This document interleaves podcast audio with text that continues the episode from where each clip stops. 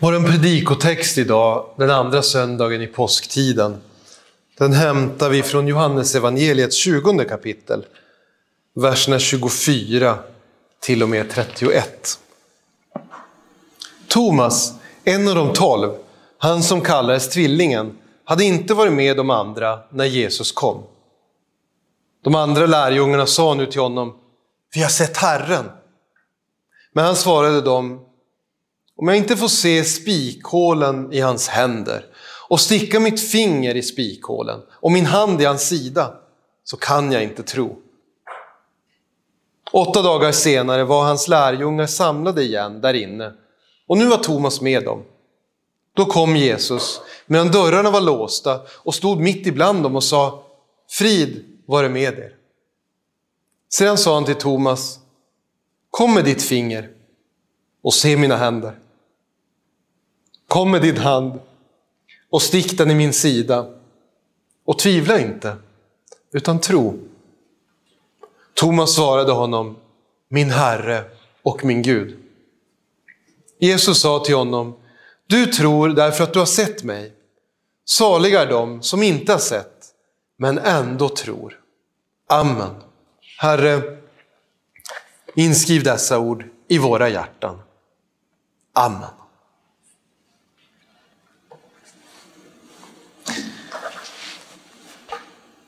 Vi får lära oss i ganska unga år att tvivla.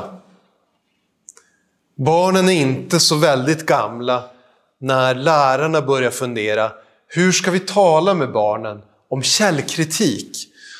Hur ska vi tala med dem om att tvivla på information de får? Att bedöma om den kan vara sanningsenlig eller inte. Man börjar egentligen redan på lågstadiet, fast man kallar det inte källkritik då. Jag tror att det är nödvändigt. Sorgligt men nödvändigt. Därför att man behöver inte vara så gammal för att konfronteras med information som är falsk. För många år sedan, när jag var ung, då fanns det två tv-kanaler. Hörrni. Och så fanns det nyhetssändningar som alla tittade på. Bodde man i en liten stad som jag så hade man en lokaltidning också. Men få hade råd med mer än en tidning, en papperstidning. Alla fick egentligen samma information. Samma beskrivning av världsläget. Tyckte man att lokaltidningen var för vänstervriden eller för högervriden kanske man valde en annan tidning. Men människor hade en gemensam bild av hur samhället såg ut och vad problemen var. Så är det inte längre, det vet ni. Framförallt med sociala medier så kan vi dels välja vart vi ska hämta vår information. Men framförallt så väljer algoritmerna åt oss. Det vi har klickat i att vi gillar, det får vi mer av. Och det vi har ignorerat, det får vi mindre av. Så allt mer och mer får vi information vi själva vill ha. Vi får den världsbild som vi efterfrågar. Vi får den information som bekräftar det vi redan tycker. Och sen märker vi ibland när vi möter människor som tycker annorlunda. Hur kan de tycka så? I skolan får man också prata med ungdomar om konspirationsteorier. Ofta väldigt spännande idéer om den sanna verkligheten bakom vad som händer. Och varför det händer. Och vilka det är som planlägger och styr våra liv. Vi får lära oss att tvivla. Därför är det svårt ofta att lägga undan tvivlet när vi möter Gud. Vi får hela tiden träna oss i den här informationen, kan den verkligen vara pålitlig? Stämmer den? Vem ligger bakom? Vad har de för syfte med att försöka övertyga mig om att kriget i Ukraina egentligen bara är en fredsbevarande operation för att denazifiera landet. Ja, ni hör själva. Hur ska jag göra för att lägga av den här skepsisen som är egentligen nödvändig i det moderna samhället? Ja, när vi ser på temat för våran söndag idag, påskens vittnen, då ser vi att tvivlet är inte nytt. Man behöver inte vara postmodernist för att tvivla på Gud. Man behöver inte ens vara modern. Utan påskens vittnen tvivlade allihop. Har ni tänkt på det? Kvinnorna som kommer till graven och får se den tomma graven. De blir förskräckta, inte glada. Vem har rövat bort frälsaren? Vem har stulit hans kropp? Och lärjungarna som får höra det glada budskapet av kvinnorna, de tänker som det står i Bibeln faktiskt, det är nog tomt prat. Det står inte så i Bibeln, men jag tänker mig att de tänkte att äh, kvinnor snackar så mycket. Kan vi lita på det? Och de tvivlar, eller hur? Emmaus-lärjungarna som möter Jesus ansikte mot ansikte, den uppståndne frälsaren, de har jättesvårt att förstå att det är han. Och de förklarar för honom att de är så bedrövade för att Jesu kropp har blivit bortrövad. Det är inte för att de inte har fått höra om uppståndelsen. De säger det till Jesus.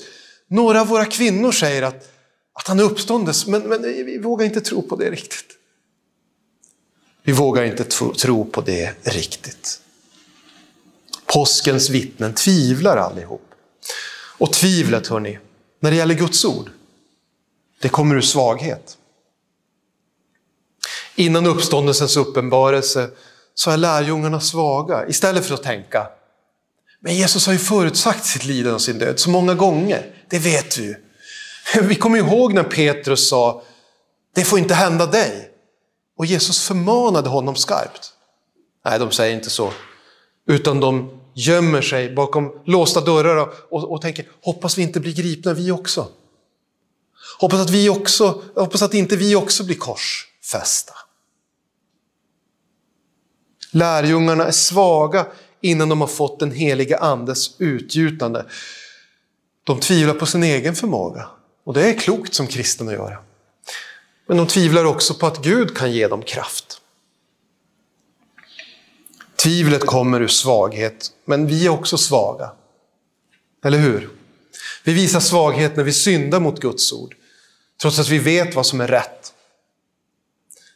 Vi visar svaghet när vi har svårt att förlåta de som har svikit oss, de som har gjort oss besvikna, de som har ljugit för oss kanske.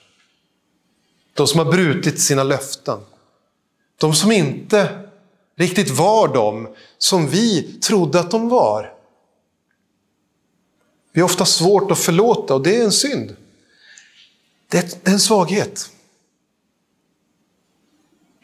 Det är snart dags för deklaration om ni inte redan gjort det. En del känner svagheten där när de sitter med deklarationen och tycker usch vad mycket pengar jag ska betala i skatt. Det här avdraget, skulle det inte gå att få igenom det? Även om det kanske inte är riktigt enligt instruktionerna. Vi är svagna när vi är klentrogna, om man får använda ett gammalmodigt ord. Klentrogna, svaga i tron. När vi säger, kan det verkligen vara sant? När vi läser i Bibeln och säger, mm, det skaver lite grann med mina åsikter. Det skaver lite grann jämfört med tidsandan. Den här bibliska sanningen, den passar inte in i mitt liv. Skulle Gud verkligen ha sagt så? Vi visar våran svaghet när vi har svårt att lita på Gud. När vi har svårt att lita på hans löften. När vi har svårt att vila i dem. När vi säger Gud, jag förlitar mig på dig. Jag litar på din makt och din kraft och din hjälp. Och så sen dröjer det någon timme och sen är vi där och oroar oss i alla fall. Det är vår svaghet i tron. Ibland leder den här svagheten till krav på Gud. Gud, jag vill se tecken på att du är allsmäktig. Gud, jag vill se tecken på att du är med mig. Fariseerna de bad om tecken, eller hur? De sa det till Jesus när han just hade gjort ett märkligt under. Då sa de, men eh, vad kan du visa för tecken för att visa att du verkligen är Messias? Och om vi ska gissa, det här är min uppfattning, eh, fariseerna fariséerna hade inget sinne för ironi. Utan jag tror att de var de var seriösa. Kan du visa något tecken? Ja, men det är just, vi vill ha mer tecken. Eller hur? Det är en svaghet i tron. Soldaterna, de vill ha mer tecken. De hånade Gud och sa, du som har botat så många, kan du inte bota dig själv? Kliv ner från korset, om du nu är Guds son. Den ene rövaren ville se ett tecken. Han höll med soldaterna och sa, du som ska vara Messias, inte ska väl du hänga här med oss kriminella? Hjälp dig själv. Svagheten i tron leder till Thomas reaktion. Han säger, om jag inte får se Jesus med egna ögon, då kan jag inte tro på att han är uppstånden. Om jag inte får se hålen i hans händer och se att det verkligen är hans sargade kropp. Om jag inte får sticka handen i det här hålet han hade i sidan. Ni kommer ihåg när soldaten stack ett hål i Jesus sida med spjutet. Om jag inte får känna på det hålet i hans sida, då kan jag inte tro. Jag vill ha mer bevis, säger Thomas.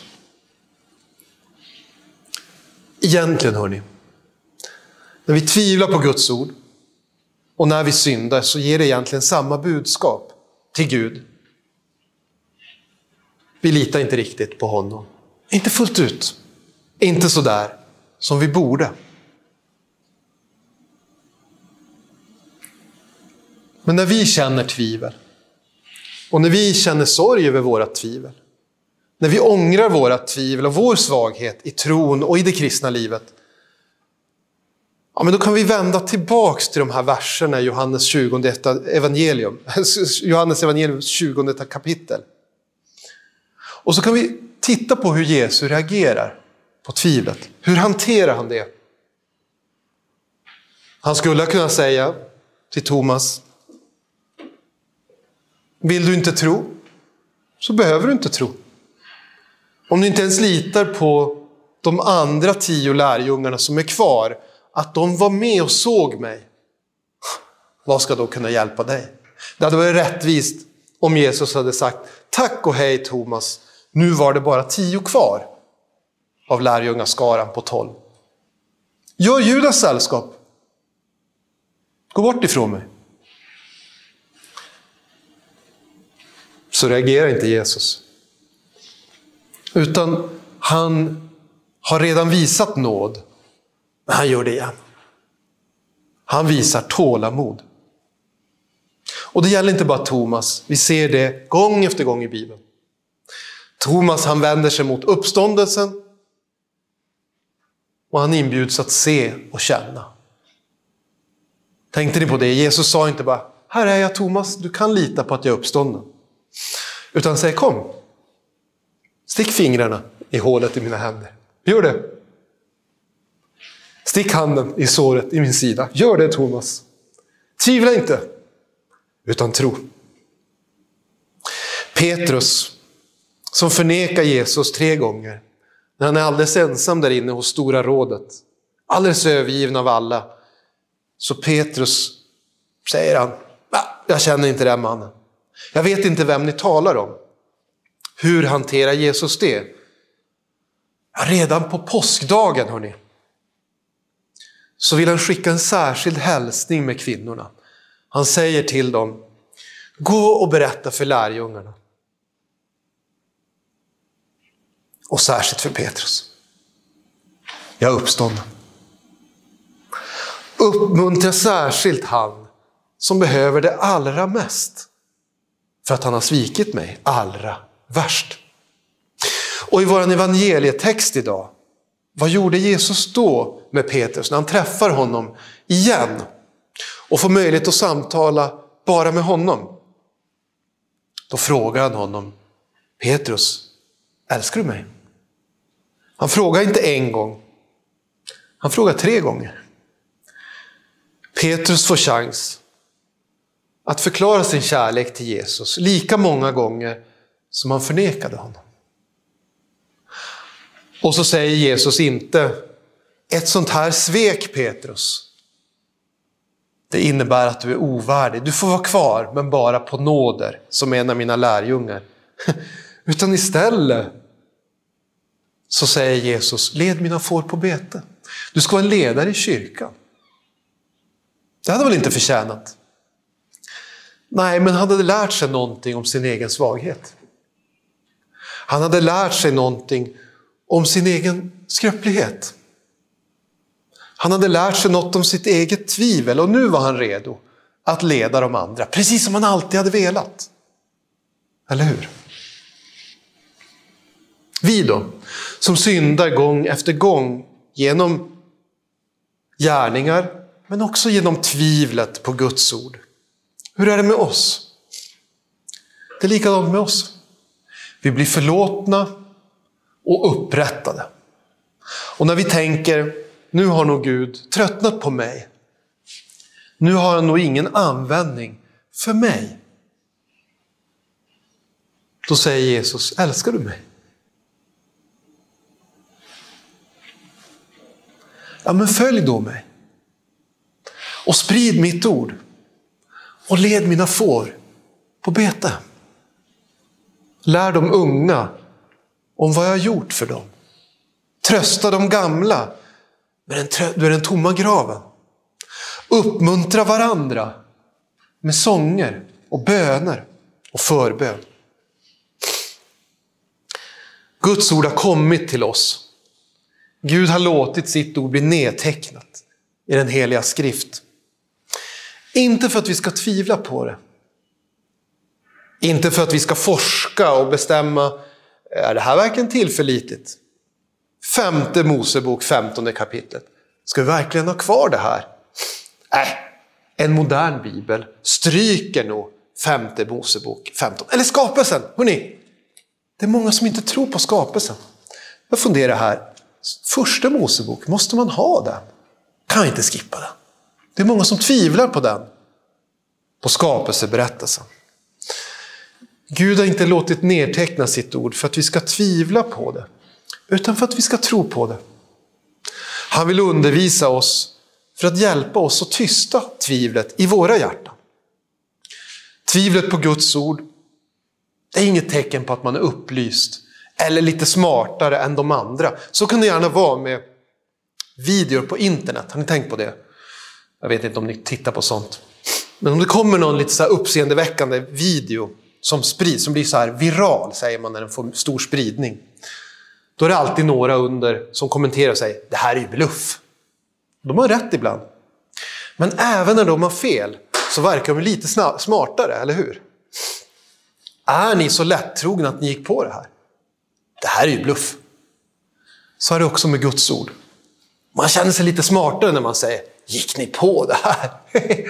det är ju så gammalmodigt. Det är därför Gud bjuder in den ödmjuka. Att tro på hans ord. Han vill göra oss ödmjuka, trots att vi inte är det alltid. Det är därför han säger, visa inte bort barnen, för Guds rike tillhör sådana som dem. Inte för att de är mästare i källkritik. Inte för att de kan forska naturvetenskapligt och, och försöka motbevisa Bibelns budskap. Utan för att de litar på sin fader. Ni måste bli som dem, säger Jesus. Lägg undan tvivlet och våga tro på mig. Jesus han visar tålamod när han bygger upp sina lärjungar som också tvivlar. Men Jesus visar också tålamod med oss. Han vill bygga upp oss med sitt ord.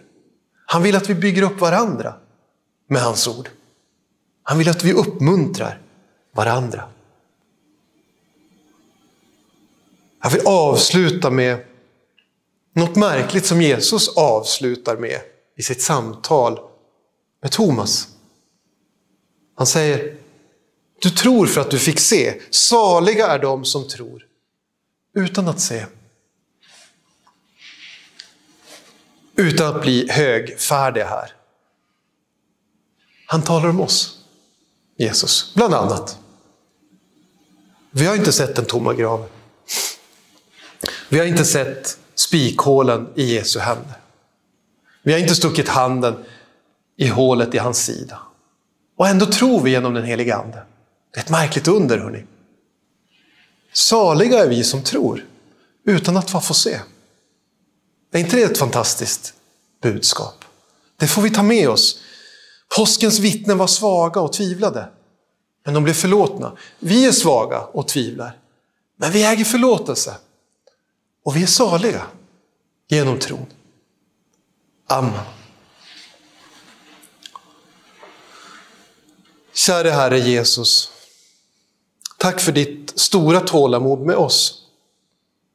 Du känner vår svaghet. Du vet att vår tro blandas med otro.